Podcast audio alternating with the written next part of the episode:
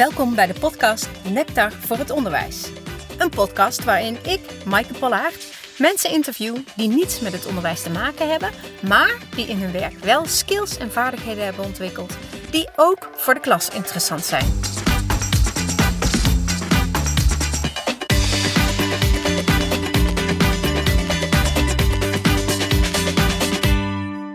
Vandaag spreek ik met Lieselot Maas. Lieselot, welkom. Dank je. Jij helpt eh, mensen uit de schulden. Je hebt een programma bestaande uit zeven stappen waar mensen hun financiële situatie onder controle krijgen. Je geeft ook webinars, je spreekt voor organisaties over schulden. Uh, en jij zegt dat jouw programma werkt mits je zelf uit de schulden wil raken. Je moet dus gemotiveerd zijn. Vat ik jouw activiteiten zo een beetje goed samen? Jazeker, dat is een hele mooie opsomming. Ja, mooi zo. Ja, en wat dan leuk is, jij bent uh, niet een econoom, maar via je stage kwam je terecht in de wereld van de schuldsanering. En daar ben je direct gegrepen. Ja. heb ik gelezen. En vervolgens ben je bewindvoerder geworden. En daar ben je meters gaan maken met het mensen helpen om met een schone lei te beginnen. Ja, klopt. Nou, als ik jouw podcast beluister en die heet Schulden oplossen. Leuk van mensen om te weten. Uh, maar ook als ik je blogs lees of als ik je website bekijk, dan, uh, dan zie ik dat jij een groot hart hebt voor het helpen van mensen in een penibele situatie. Verschil maken op individueel niveau. Is dat wat jou drijft? Zeker, zeker. Ja, absoluut. Ja, ik merkte echt. Uh, nou, aanvankelijk dacht ik na over een studie maatschappelijk werk, omdat dat natuurlijk ook heel erg hè, met mensen helpen is. Maar ik ben ook heel erg praktisch. En ik heb uiteindelijk gekozen voor een andere studie, facilitaire dienstverlening. En ja, toen was nog een uh, stagemogelijkheid om naar de schuldhulpverlening te gaan. Ik had geen idee wat het was. Ik kende het helemaal niet. Wist ook helemaal niks dat er überhaupt financiële problemen kunnen zijn bij oh mensen. Ik was 19, dus uh, nou, wat wist ik nu? Maar ik vond het meteen een waanzinnig mooie combinatie van mensen kunnen helpen op een moment dat ze het gewoon super moeilijk en zwaar hebben. Mhm. En dat ook nog eens een keer op een hele praktische manier met een concreet einddoel. Want ja, je wil dat die schulden uiteindelijk worden opgelost. Ja. Ja, dus dat, ja, uh, dat sprak me meteen ontzettend aan. Ah ja. En zie ik dan ook voor me dat jij als 19-jarige mensen bent gaan helpen met die schulden oplossen? Ja, ik liep toen natuurlijk stage en ik vond dat wel een hele, ja, hoe zal ik het zeggen, een beetje een laffe stage. Want ik mocht nog niet eens zelfstandig een schuldeiser bellen. Als ik nu zie oh. wat de stagiaires allemaal mogen doen, nou, dan gaat dat echt veel verder dan wat ik toen uh, mocht. Dus ik heb toen vooral heel veel gesprekken bijgewoond. En daarmee natuurlijk ook wel de blikken gezien van mensen die eraan klopten. En die echt gewoon ten einde raad, radeloos waren, het echt niet meer wisten, niet meer konden slapen. Ja, ja en het feit dat er dan ergens hè, hulp is voor mensen om ze weer op de rit te krijgen. Ja, dat is natuurlijk wel heel mooi om daar uh, ja, ook iets voor te kunnen betekenen. Ja, en eh, ben jij dan een, een soort uh, wereldverbeteraar? Wil je de zwakken graag helpen? Ja, dat heb ik altijd al wel gewild. Ik heb heel lang ook wel in het buitenland willen gaan werken. Ik dacht altijd tijdens mijn studie ook hè, bij internationale uh, ontwikkeling bijvoorbeeld uh, uh, wat te gaan doen. Leek me ook een mooie stage. Oh ja. ja. uiteindelijk werd het schuldhulpverlening. En ook helemaal prima hoor. Ja. Ja. ja. Leuk. Mooi om mensen zo echt wat te kunnen betekenen voor Ja, zeker. Ja, tof. Je zei dat zelf al net. Uh, schulden hebben, niet meer kunnen slapen. Je zag het aan de mensen, aan het gezicht. Uh, maar je leest ook verhalen uh, van mensen die, die zich dan toch niet laten helpen. Of toch niet gemotiveerd zijn om, om van die schulden af te komen. Hoe kan dat? Nou, dat was echt mijn grote frustratie. Ik werkte op een gegeven moment bij de gemeente Zeist. En ik uh, was natuurlijk hartstikke eager om iedereen uh, te helpen. Dus ik had vaak acht afspraken op een dag in mijn agenda gepland. Hè, dat iedereen langs kon komen. Ja. En het kwam echt heel vaak voor dat er misschien drie mensen op een afspraak kwamen. En Serieus? ik vond dat echt waar. En ik vond dat zo frustrerend. En ik begreep het niet. En ik dacht, je hebt een probleem. En je wil niet werken aan een oplossing. Hoe kan dat nu? En dat hoor je ook wel terug. Hè? Je leest dat ook wel in onderzoeken. Dat het überhaupt ongeveer vijf jaar duurt voordat mensen de stap zetten naar professionele hulp. Ja. Omdat ze het niet weten, omdat ze zich ervoor schamen. Ja, met zoveel ellende voor mensen zelf, maar natuurlijk ook voor kinderen, voor werk. Weet je, het heeft natuurlijk heel veel ja, negatieve olievlek op je hele omgeving. Als je zo gebukt gaat onder uh, financiële problemen. Um, dat ik heel graag wilde kijken hoe je mensen wat makkelijker um, ja, de, de, de, eerste stappen kan laten zetten. En, en ze gewoon kan laten zien dat er hulp is. En dat je echt niet zo lang maar hoeft te zwemmen. Maar uh, ja, dat er bij elke gemeente mensen zijn die je kunnen helpen. Maar dat is dus wat er veel gebeurt. Dus zeg maar die vijf jaar die jij noemt. Mensen trekken pas aan de bel als het water ze echt ja. aan de lippen staat. Ja, het is echt heel vaak dat mensen al het uh, bericht hebben dat er bijvoorbeeld een huisuitontruiming gepland staat. Ah. Dat dat pas het moment is dat mensen aan de bel trekken en bij de gemeente aankloppen en zeggen: Ik heb hulp nodig. Ja, ja. veel te laat. Veel te laat. En kun je dan nog wat doen? Ja, dan kan je nog wel wat doen. Maar het is natuurlijk veel makkelijker om uh, twee jaar eerder, hè, als de eerste achterstanden zijn ontstaan, aan de slag te gaan. Uh, dat voorkomt ook heel veel ellende, het voorkomt heel veel stress. Ehm, maar ja, gelukkig, weet je, gemeentes kunnen hartstikke goed samenwerken met de woningbouw, met alle instanties, met alle schuldeisers. Dus uh, ja, er is eigenlijk wel bijna altijd nog een oplossing mogelijk. Ja, ja, ja. Oké. Um, en jij zegt, je kunt dus al veel eerder helpen, maar die mensen komen niet. Dus uh, hoe bereik je ze dan? Ja, dat is wel heel lastig. En daar zijn gemeentes wel de laatste jaren steeds actiever mee bezig. Om uh, op andere manieren te kijken hoe je mensen dus inderdaad eerder kan laten weten bij een achterstand, bij gemeentelijke belastingen of bij een maand uh, huurachterstand. Om ze dan actiever op te wijzen dat er mogelijkheden zijn voor hulp. Ik heb ook het idee dat schuldeisers en vooral deurwaarders ook daar echt een grote rol in spelen. Um, om ervoor te zorgen dat mensen gewoon echt richting de hulpverlening worden ja, uh, gebracht haast, hè, aan de hand vaak, op die manier. Om uh, ja, gewoon toch echt ervoor te zorgen dat er ook echt een oplossing komt. Ja. Want mensen zijn geneigd om weg te duiken. Hè. Dat blijkt gewoon ja. echt dat, dat, dat, je maakt post niet meer open, je weet niet meer wat je moet doen. Dus uh, je ziet echt heel vaak dat mensen hun kop in het zand steken, omdat ze gewoon geen idee hebben waar te beginnen. Nee, en tenminste, ik kan me ook voorstellen dat mensen denken: ik kom er zelf wel uit. Ja. Dat lukt me wel. Of Ja, dat is natuurlijk zoals het begint. Hè? En dat is wat het ook lastig maakt. Het is een soort glijdende schaal. Ja. Want het begint natuurlijk altijd met ergens een eerste achterstand die je hebt. En dan denk je, nou, het is april. Oh jee, belastingaanslag moet ik betalen. Nou, volgende maand komt mijn vakantiegeld. Weet je, dan loop ik het daar wel mee in. Oh, maar als je dan ziet dat die maand daarna weer een grote uitgave voor de deur staat dan schuif je het op die manier op. Nou ja, schulden hebben is gewoon ongelooflijk duur. Want er komen inkassenkosten, rentekosten. Zeker als je kijkt naar boetes, weet je, die kunnen gewoon verdriedubbelen. Dus uh, voordat je het weet, is een achterstand van uh, ja, misschien 1000, 1500 euro. Kan zo oplopen tot uh, gemiddeld iets van, ja, ik weet het niet, 15.000 euro als mensen oh, ja. niet opletten. En dan wordt het natuurlijk meteen ook een heel ander verhaal om dat weer in te lopen. Ja, precies. Ja. Ja, en jij noemt dan even die bewindvoerder, allemaal verschillende lijntjes eigenlijk die bij die mensen op het pad komen die die signalen kunnen geven. Maar daar, daar is niet, denk ik, een overkoepelende organisatie of zo voor. Of, uh... Nee, we hebben de schuldhulpverlening in Nederland lokaal georganiseerd. Dus elke gemeente heeft zijn eigen loket waar mensen zich kunnen melden voor hulp. En heel vaak is dat tegenwoordig via wijkteams, buurtteams, sociale dorpteams op die manier dat zij uh, de eerste signalen oppakken en mensen dus kunnen doorverwijzen naar uh, de lokale schuldhulpverlening. Ja. En zijn die maar die zullen daar alert op zijn, vermoed ik. Uh, ja, die zijn er alert op. En nou, dat, dat lijkt ook wel in de ene gemeente wat beter te werken dan de andere. Ja, ja, Dat, dat wisselt volgens mij wel. Ook echt de kwaliteit van hulp wisselt sterk per gemeente. Oh, ik moet enorm op mijn tong bijten om niet al de onvoldoendes en de leerlingen erbij te halen. Maar dat ging ik niet doen. Dus zo, zo, uh, Je ziet de lijnen al. Ik zie de lijnen ja. heel duidelijk. Ja, ja. Um, ja die, die, het motiveren van mensen. Want het, um, ik kan me voorstellen uh, dat schulden ontstaan door onhandige patronen. Of andere onhandige gewoontes en zo. Ja.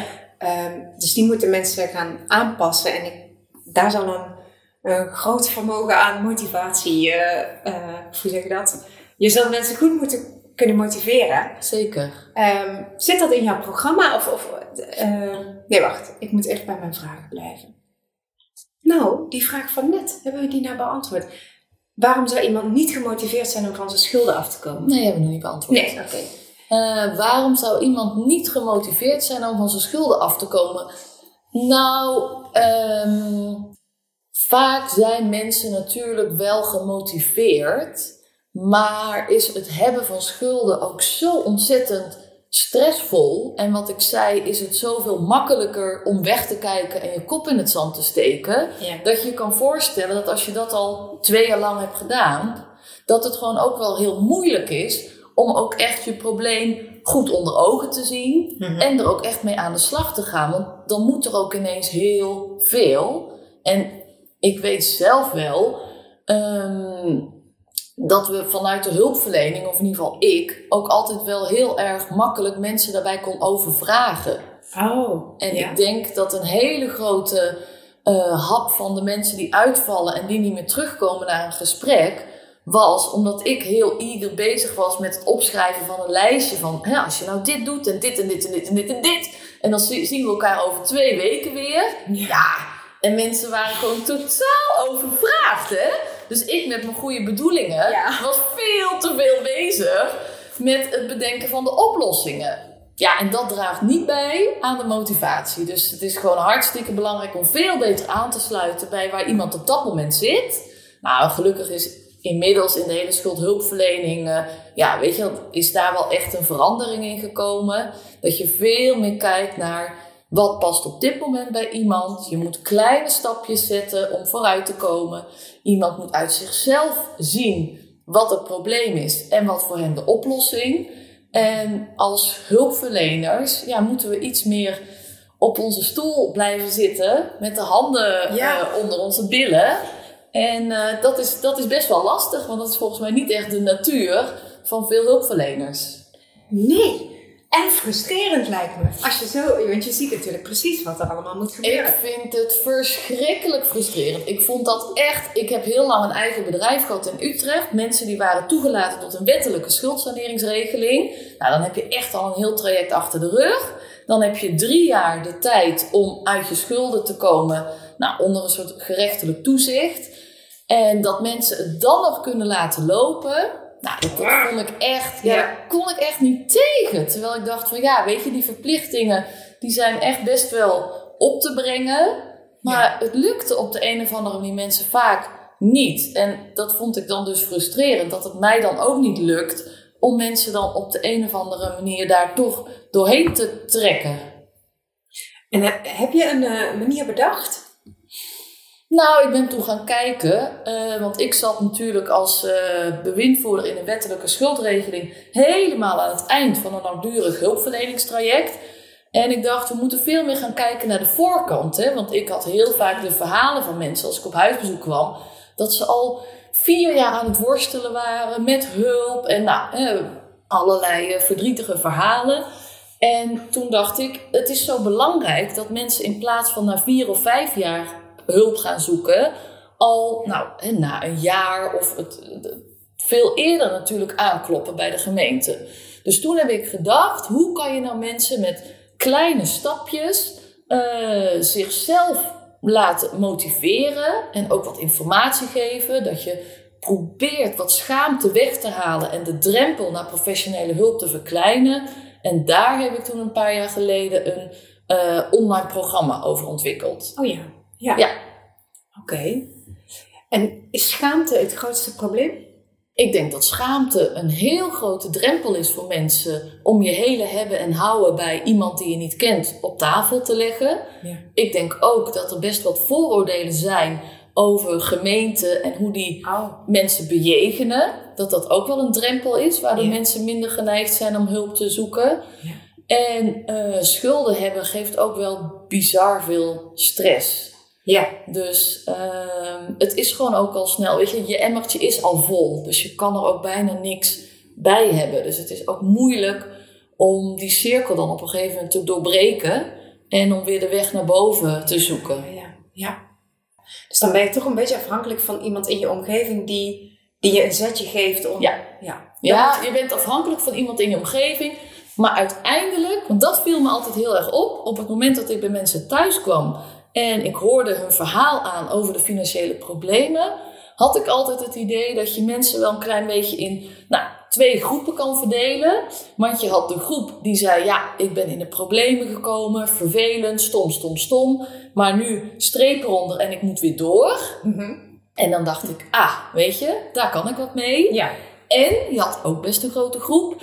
En eh, ja, die waren allemaal heel erg zielig. En Oh, ja. weet je, ik ben slachtoffer van. eh, nou, de, de, de oorzaak van schulden was dan ook altijd eh, de ex. Oh ja. Of de werkgever. Of in ieder geval, hè, daar hadden ze zelf geen aandeel in. En dat was een groep waarvan ik altijd dacht: oei, dit wordt een pittige weg. Want als je niet zelf ergens een sprankje ja, verantwoordelijkheid neemt en uit je slachtofferrol durft te stappen, ehm, ja, dan is het ook wel heel moeilijk om het uiteindelijk eh, op te lossen. Ja. Heb jij, we- weet je hoe je mensen uit hun slachtofferrol kunt krijgen?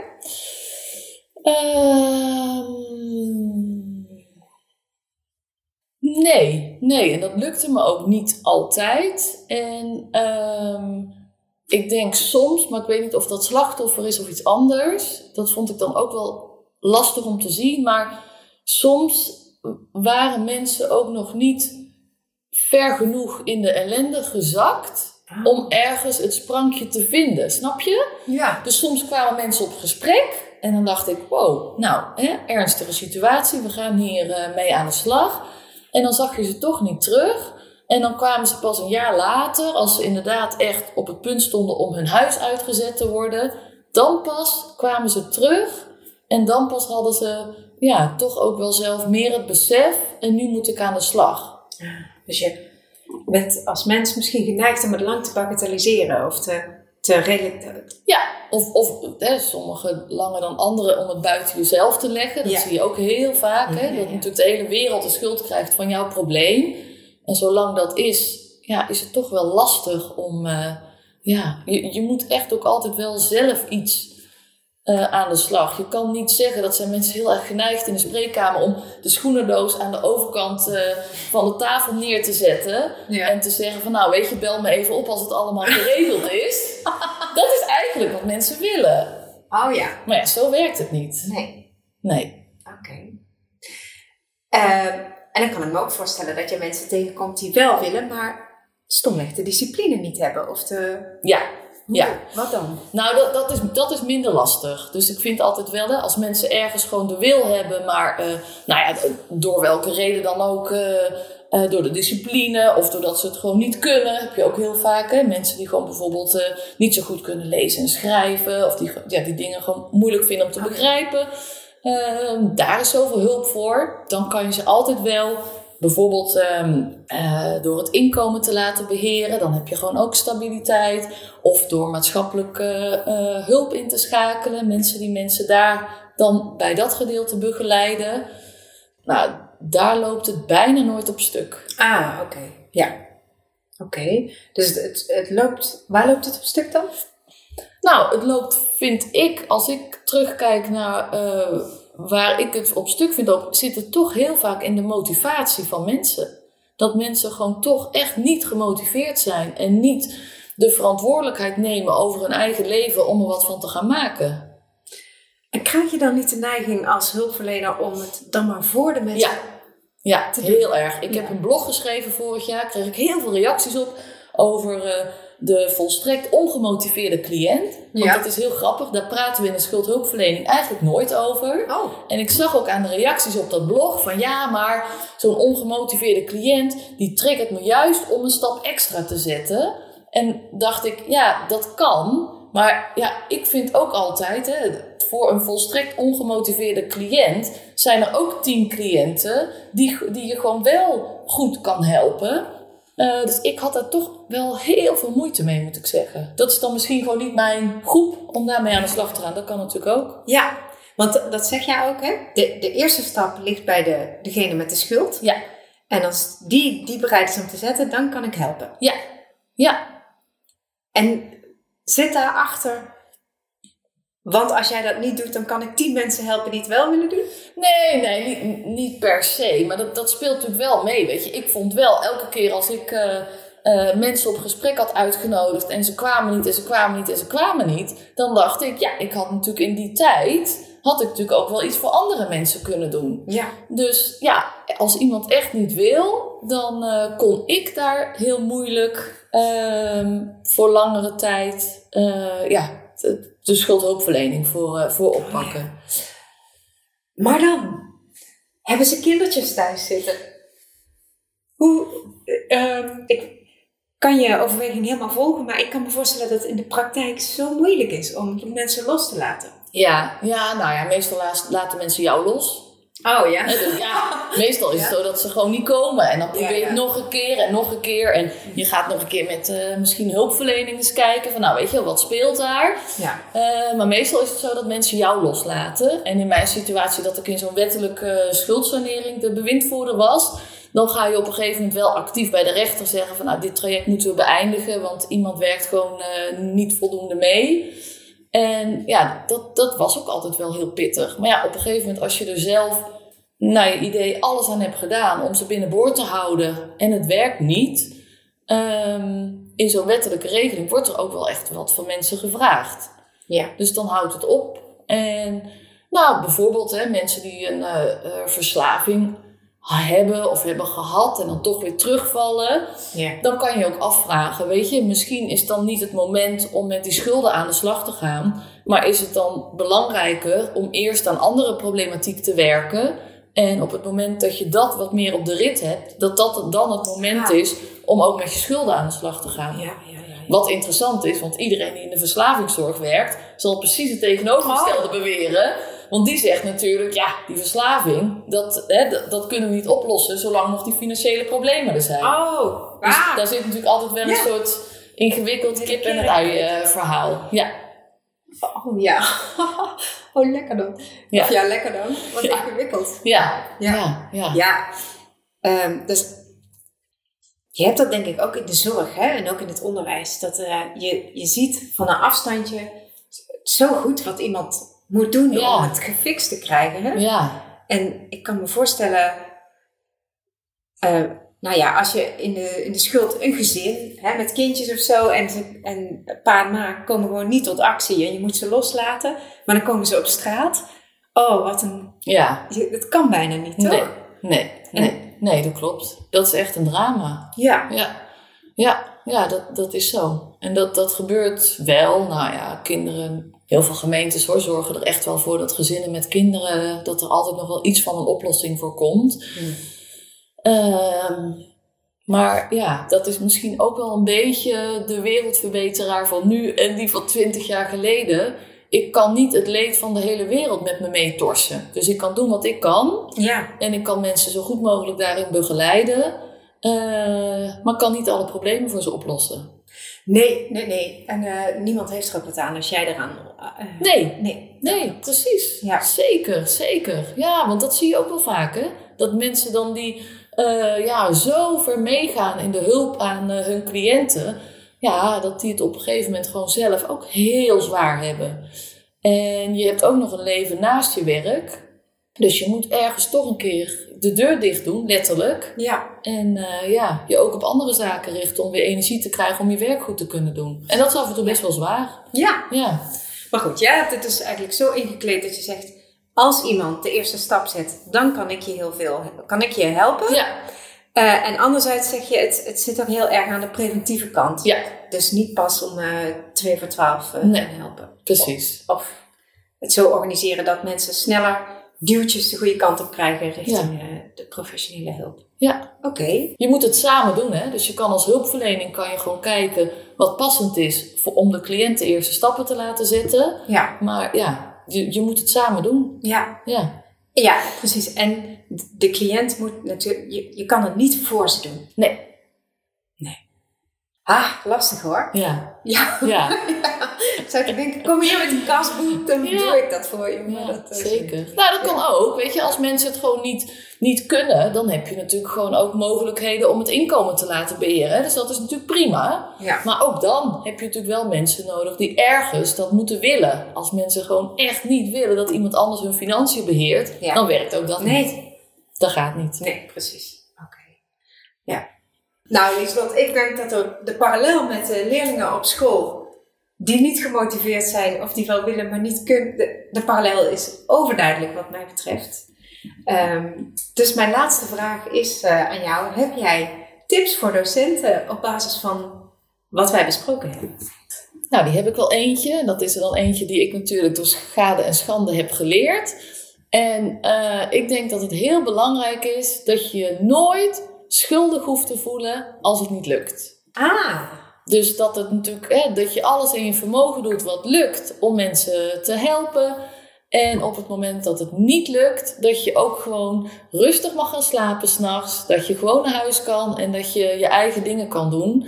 Ehm, ja, en dat je dan niet hoeft te blijven malen of piekeren. Had ik niet zus of had ik niet beter zo? Ehm, want dat dient geen doel. ah mooi. Ja, ja, ja. Oeh, een heel, heel waar, denk ik ook. Eh, als jij in zo'n situatie zat, heb, eh, praat je daar dan over met collega's of zo om het te relativeren? Of, eh, ja, soms wel. En soms helpt het ook om het thuis dan, weet je. Mijn man zit in een heel andere werkomgeving. Dus die kijkt er dan ook alweer veel anders tegenaan. Is ook volstrekt geen hulpverlener. Dus die vindt vaak al, als ik vertel wat ik heb gedaan... dan zegt hij, jongen, jongen, weet je, dat is gewoon al heel veel. ja. Dus eh, dat helpt dan ook weer. Ja. Of gewoon met vriendinnen die iets heel anders doen. Ik vind het heel vaak leuk om het juist te ventileren. Niet met mensen in jezelfde werk. Ja. Want dat zijn ook vaak die hulpverleners die dan ook nog een keer aankomen met zou je niet nog dit of weet je wel. Dus juist mensen buiten eh, is het vaak heel prettig. En ehm, ja, om daar dan met eh, g- een gedachte van te wisselen, dat helpt mij ook heel vaak om te weten van, oh ja, weet je, zo heb ik het gedaan. Er nog eens een keertje over te spreken. En ja, ook daarin helpt het wel om een klein beetje ouder te worden. Ja. Dat, eh, ja, dat, dat echte gepieker, en ik kon soms ook wel wacht, nachten wakker liggen van cliënten, hoe daarmee om te gaan, dat ik daar nu wel wat steviger van weet. Van nou, ik doe wat ik kan, ik weet ook wat ik kan en waar ik minder goed in ben, en dat is het dan. Goeie tip. Nou, Dankjewel. graag gedaan. Yes. Nou, als mensen benieuwd zijn naar wat jij nog meer te vertellen hebt over schulden oplossen, eh, want volgens mij kun je daar wel een dag mee vullen. In ieder geval aan materiaal is er genoeg. Eh, ze kunnen jou vinden op de website lieselottemaas.nl of deonlineschuldcoach.nl. En de podcasttip van deze week is natuurlijk dan de podcast van Lieselot. En die heet Schulden oplossen. Nou, nogmaals dank voor het leuke gesprek. Ja, heel erg graag gedaan. Ik vond het ook een heel leuk gesprek. Fijn. Ja. Dankjewel. Mooi.